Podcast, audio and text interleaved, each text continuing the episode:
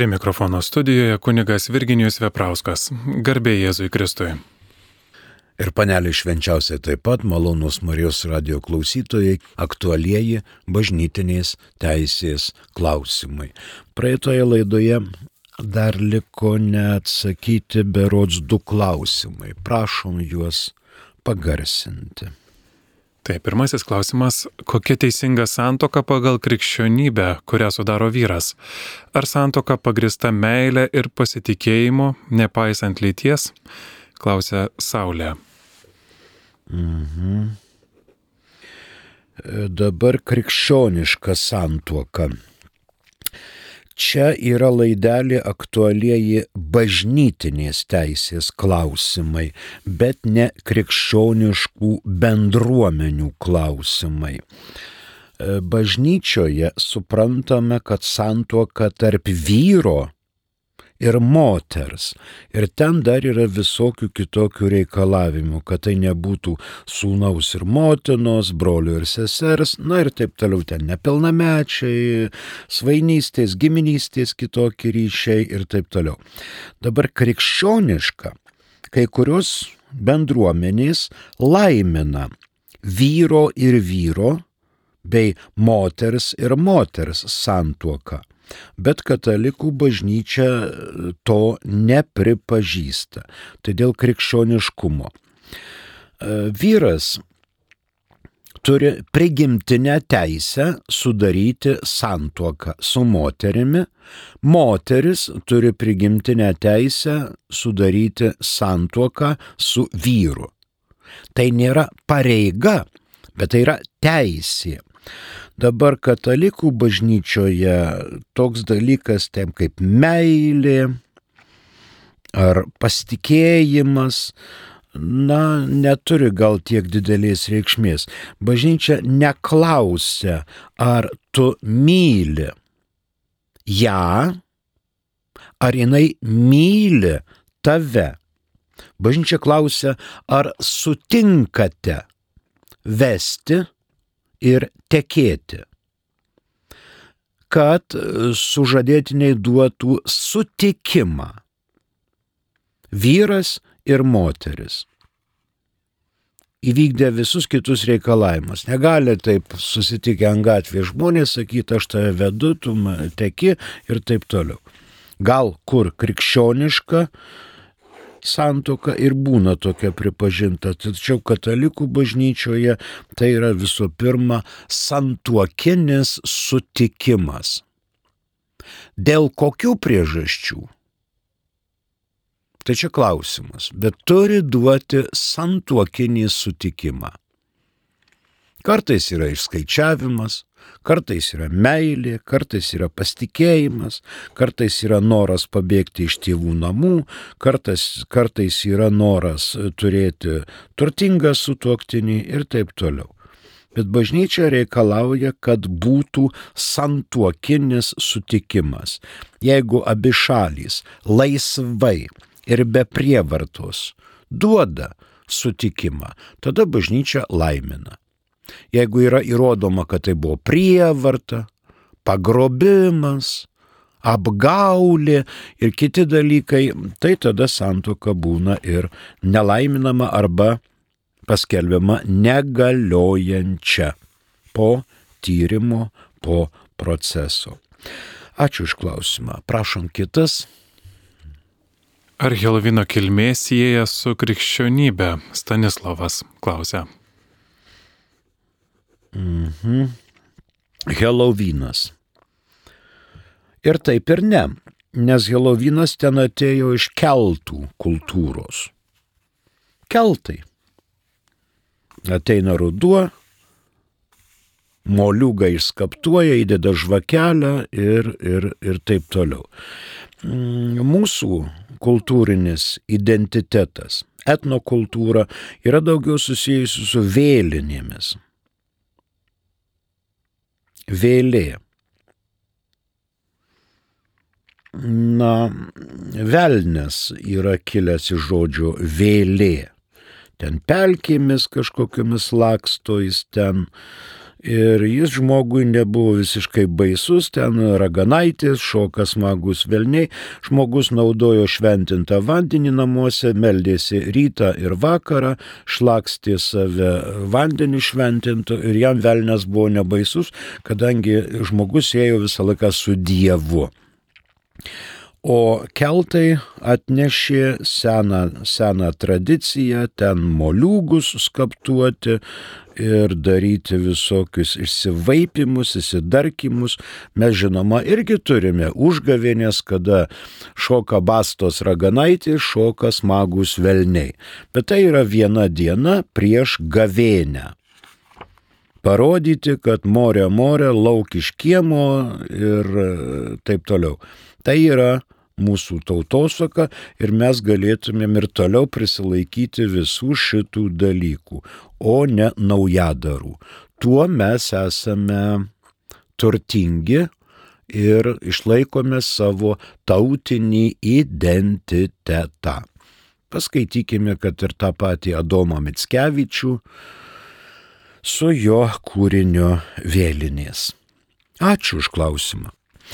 O mes praeitoje laidoje nebaigėm 1297 kanono.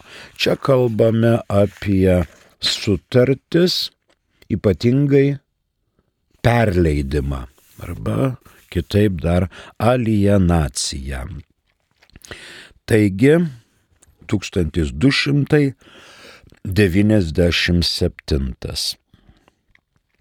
Nuoma nėra nei perleidimas turto nuoma, nei pablogina turtinę bažnyčios būklę. Jei taip būtų, nereikėtų kalbėti apie nuomą. Čia yra išimti šiame kanone 1298 kanonas, kuris draudžia turto administratoriui perleisti gerybės giminėms iki ketvirto laipsnio imtinai. Čia ir dėl nuomos, ir dėl išnuomavimo. Komentuojama šis kanonas plačiaja prasme. Čia nėra kokių kitų reikalavimų, kuriuos nurodyti gali vietos vyskupų konferencija arba vietos ordinaras. Antroji ir paskutinė mintis prie šio kanono - viskas atliekama raštu. Ne žodinė tvarka, bet raštu. Institutai, kurie arba įstaigos, kurios yra ne vietos vyskupo valdžioje, veikia pagal savo statutus, kurie yra ne vyskupo valdžioje, popiežiaus valdžioje, taip jiem priklauso vykdyti savo veiklą pagal statutus. O tie, kurie pavaldus vyskupui, atsiklausia vyskupo irgi raštu. Dar reikia žiūrėti į savoją teisę kas surašyta sinoduose, krašto, plenariniam sinode arba vyskupijos sinode. Rytų kanonuose 1297 atitikmens nėra. Jį ir fiksuojame. Vyskupų konferencijai priklauso, atsižvelgiant į vietos sąlygas, nustatyti normas dėl bažnytinių gerybių nuomos, ypač dėl gautino kompetentingos bažnytinės valdžios leidimo. Kitas, paskutinis šiame skirsnelėje 1290 Aštuntasis kanonas. Bažnytinės gerybės neturi būti parduodamos ar išnuomojamos jų administratoriams ir jų giminėms iki ketvirto giminystės ar svainystės laipsnio, be specialaus raštiško, kompetentingos valdžios leidimo.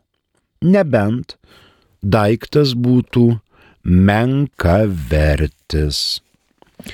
1298. Pirmoji mintis. E, mes turim turbūt klausimą, taip prašom. Klausia, o kas gali nutikti, jei sakom, eik po velnių? Ačiū, Paulina. Čia yra liaudės tautosaka. Galima pasiūsti ten, kur rusų karnį laivą pasiunti, tai būtų gal kiek suprantamiau, bet kažkaip, na, žinot, pas mus nėra tokių gal grubių keiksmažodžių, jie atėjo iš kitų tautų, pošims pypkių, žalty, rūpūžė, o čia sakom ir eik po velnių. Kas galim nutikti? Galime manyti, kad yra bloga ne tam, kurį siunčia, bet yra blogai tam, kuris siunčia. Jis neturi ramybės jis yra įsitempęs, jį visi erzina, nervuoja. Netaip pažiūrėjo, netaip pasakė, netaip duris trinktelėjo, užmynė ant mazolio, pastumė. Ir tada atgal eik po velnių. Tai yra bėda tam, kuris tą sako. Ir jam reikia išties pagalbos ranką ir pabandyti jam parodyti meilę, kad jis savo žmogišką orumą atstatytų. Ačiū. Tai dabar 1298. Iš principo galima administratoriui parduoti ar išnuomoti. Kaip geram šeimos tėvui Administratorius bažnyčio turto yra tarsi geras šeimos tėvas. Galima ir giminėm arba svainystės ryšį turintiems, bet tik tai iki ketvirtojo laipsnio imtinai. Arba gavus kompetentingos valdžios leidimą. Jei penktas šeštas laipsnis galima be leidimų, o jeigu iki ketvirto reikia jau ordinaro leidimo. Tai papildomas reikalavimas. Nėra sakoma, kad absoliučiai negalima, bet iškeliamas vienas kitas reikalavimas. Tai pirmoji mintis.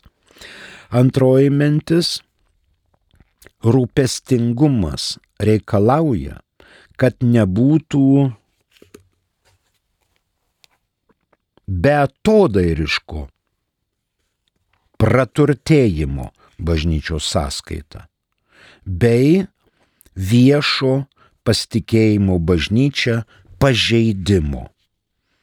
Ai, ten tarpusavį giminės, ten nepotizmas ir kiti dalykai.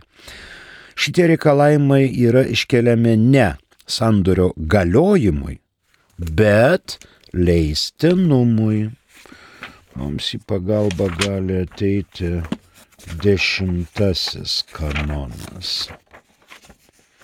Jis kažkur čia netoli. Taip. Niekinumą arba neveiksnumą nustatančiais laikyti ne tik tie įstatymai, kuriais aiškiai nustatoma, kad aktas yra niekinis arba asmuo neveiksnus. Toliau, menka vertė, kaip kanone girdėjau čia, menka verčiai dalykai. Menka vertė neapibrėžiama 1983 m. kanonų teisės kodekse. Kas tai yra daiktas menkavertis?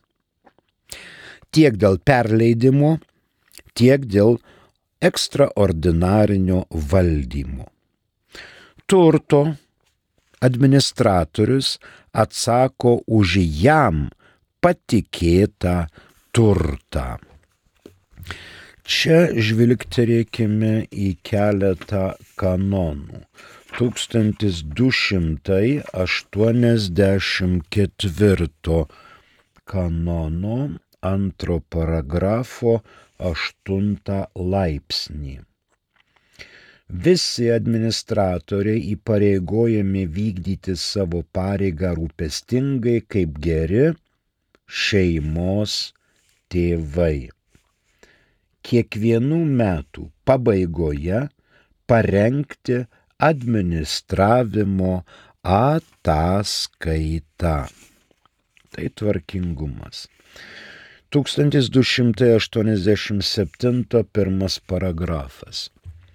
Bet kokių bažnytinių gerybių, kurios nebuvo teisėtai atskirtos nuo diecezinio vyskupo valdymo galios, administratoriai, tiek dvasininkai, tiek pasauliečiai privalo kasmet pateikti ataskaitą vietos ordinarui, kuris ją turi pateikti, patikrinti ekonominių reikalų tarybai, esant atšauktam prieštaraujančiam papročiui. Kitas 1293 pirmas paragrafas, antras numerėlis. Perleidžiant gerybės, kurių vertė viršyje nustatyta mažiausią sumą, dar reikalaujama. Ekspertų raštu pateikto perleidžiamo daikto įvertinimo. Na ir žinoma, turtas turi privalo būti aprašytas. Čia į pagalbą ateina 1283 kanono antras numerėlis. Prieš administratoriams pradedant eiti savo pareigas, jiems pasirašyti turi būti parengtas tikslus ir detalus nekilnojamųjų ir kilnojamųjų daiktų, tiek brangių, tiek vienai par kitai priklausančių kultūros vertybėms, tiek kitų daiktų inventorius su jų aprašu ir įvertinimu. Ir parengtas turi būti patikrintas. Dabar mes turime turbūt klausimą, prašom. Ar kanonai numato, ką reikėtų daryti, jei į bažnyčią tuoktis ateina iš pažiūros vyras ir moteris, bet iš tiesų iš pažiūros moteris yra pasišalinęs lytinius organus vyras, kuris pase vadinasi moterimi ir visiems prisistato moterimi. Kaip bažnyčia pasiruošusi teisiškai spręsti tokią situaciją? Ačiū už klausimą. Nu, į bažnyčią ateina daug kas. Ir vyrai, ir moterys, bet norint sudaryti santuoką, atnešamas krikšto pažymėjimas. Krikšto pažymėjime yra parašyta, kas tai. Senuose reikalavimuose, kaip, pažiūrėjau, paskaitom senuose knygose, E, pakrikštytas moteriškos lyties kūdikis vardu Ona. Arba pakrikštytas tada tai tada tai vyriškos lyties kūdikis vardu Jonas. Tėvai tokie, krikštatėviai tokie. Krikštas vyko toje bažnyčioje, klebono parašas. Ir kai žmogus nueina pasimti pažymą, iškart matosi, kas tai per asmuo. Pase galima daryti daugą. Keičiasi vardai, keičiasi pavardys, galima. Bet pirminiai dalykai valstybės analuose, pas, policijos žurnaluose, tarkim, yra žinoma, kokia tai buvo prieš tai pavardė, kad galima būtų žmogų identifikuoti. O klebonas paprašydamas krikšto pažymų, pirmos komunijos, sutvirtinimo pažymų, laisvo stovio pažymų, e, viską žiūri ir mato iš krikšto pažymos, kas tai per asmuo. Jeigu ten Jonas ir Petras, tai sako, mes dar šiek tiek per ankstyvi ir dviejų vyrų nebetuokiame. Gali vyrai pasidaryti lyties keitimo operaciją, gali moterys pasidaryti lyties keitimo operaciją, bet tai nėra laikoma asmens brandumas, o nebrandus asmenys paprastai netuokiami, nes jie nepajėgia priimti santokos teisių ir pareigų tarpusavyje duodamų ir prisijimamų. Tai va tai bažnyčia pasiruošusi teisiškai spręsti tokias ir panašias situacijas. Ačiū, dar kažką turime, prašom. Mūsų klebonas sako, kad tikėjimas aukščiau ir svarbiau žinojimo. O tai tada Jėzus Kristus, ar jis tikėjo Dievu, ar jam kaip Kristui žinančiam nereikėjo tikėti? Čia vėl aktualusis bažnytinės teisės klausimas. Reikia įsiaiškiti, kaip mes suprantame Jėzų Kristų. Kam jam tikėti Dievu, jeigu jisai pats yra Dievas? Čia toks silogizmas, kur galima svarstyti, kiek velnių telpa ant adatos galiuko. Žinojimas yra žinoma filosofinė kategorija. Dievas yra intelektinė prieitis. Tai dabar mums žmonėms, žinoma, žinojimas yra labai svarbu, bet tikėjimas yra svarbiau, kadangi tikėjimu vadovaujamės ir žengiame į amžinybę su nuopelnų, dorybių praktikavimo pilna kraitelė.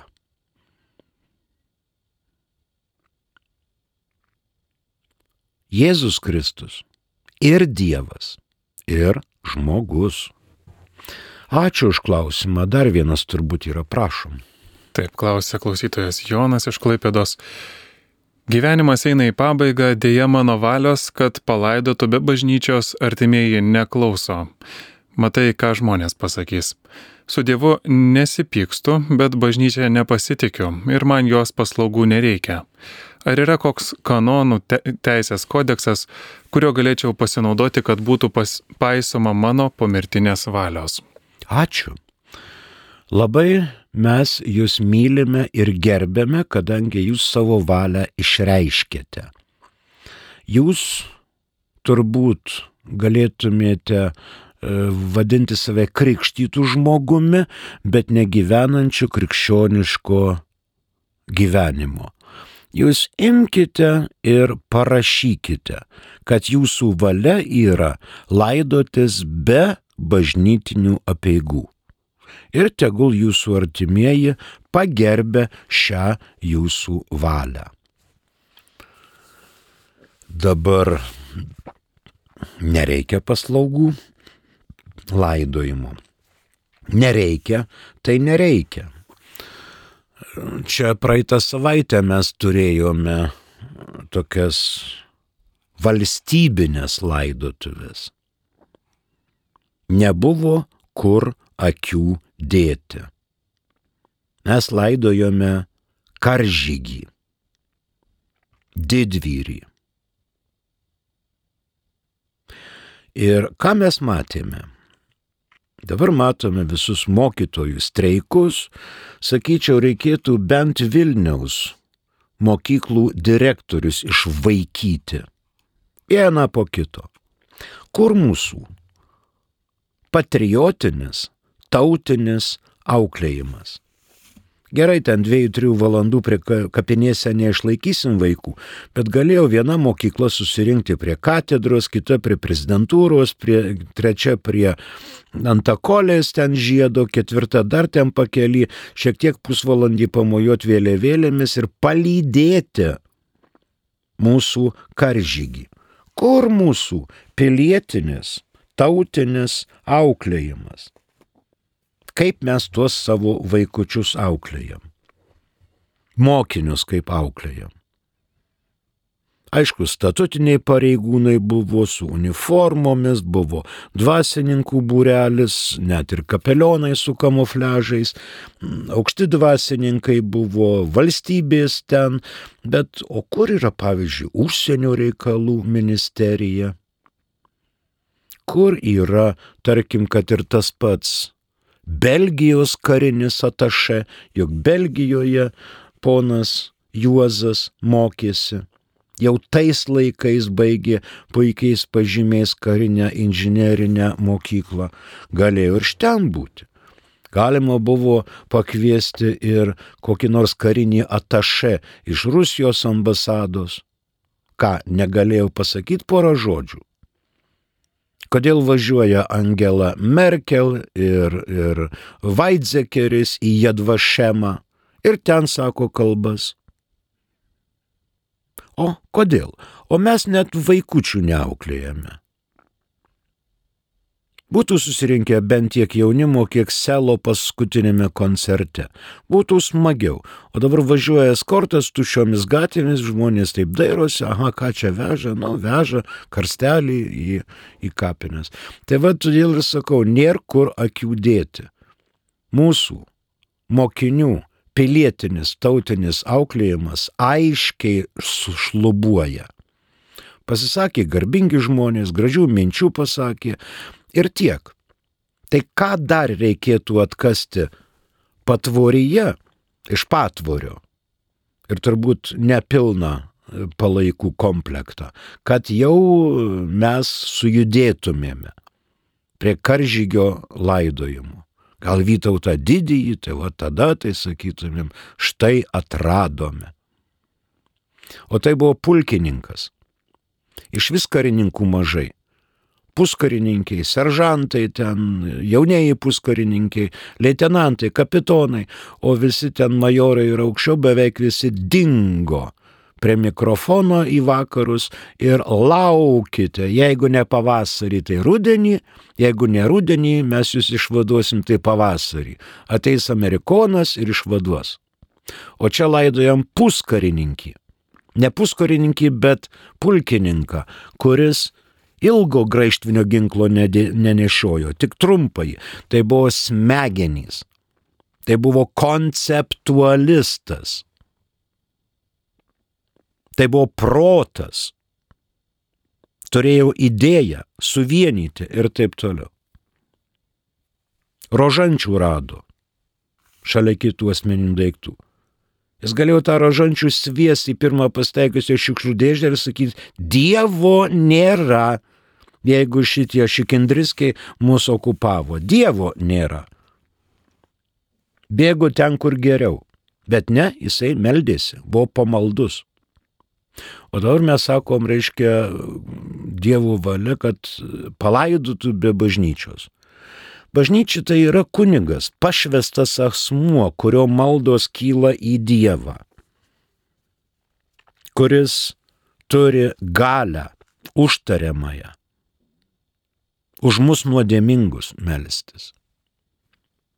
Tai at maždaug toks turėtų būti ir atsakymas. Dabar prie 1298 kanono mums į pagalbą ateina 108 kanonas apie laipsniavimą. 108 kanono pirmo paragrafo tre, pirmas trečias paragrafas. Giminystė skaičiuojama linijomis ir laipsniais. Antras. Tiesiojoje linijoje yra tiek laipsnių, kiek yra kartų arba asmenų, atmetus kamieną. Trečias. Šoninėje linijoje yra tiek laipsnių, kiek yra asmenų abiejose linijose kartu, atmetus kamieną. Na ir šimtas devintasis, pirmas paragrafas. Svainystė kyla iš galiojančios santokos netgi neįvykdytos ir egzistuoja tarp vyro bei žmonos giminių, taip pat tarp žmonos ir vyro giminių. Antrasis. Svainystė skaičiuojama taip, kad vyro giminės yra žmonos svainiai toje pačioje linijoje, bei tuo pačiu laipsniu. Ir atvirkščiai. Apie svainystę ar giminystę bažnytinė valdžia, kuri turi teisę duoti leidimą, privalo būti informuota iš anksto. Ne po davimo leidimo, bet iš anksto. Kokios linijos, kokie laipsniai. Pats turto administratorius negali šio turto įsigyti, jei jį administruoja. Tai normaliom sąlygom. Bet leidus bažnytiniai valdžiai gali.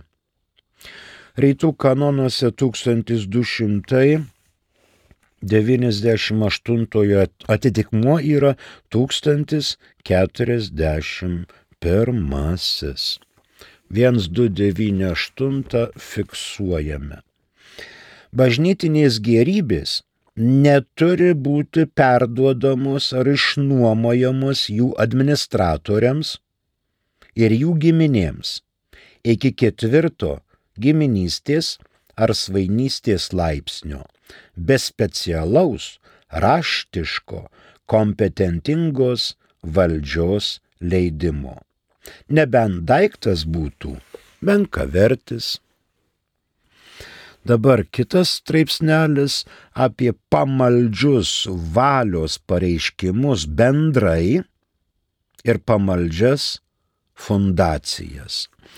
1983 m. kanonų kodeksas tai 12 kanonų.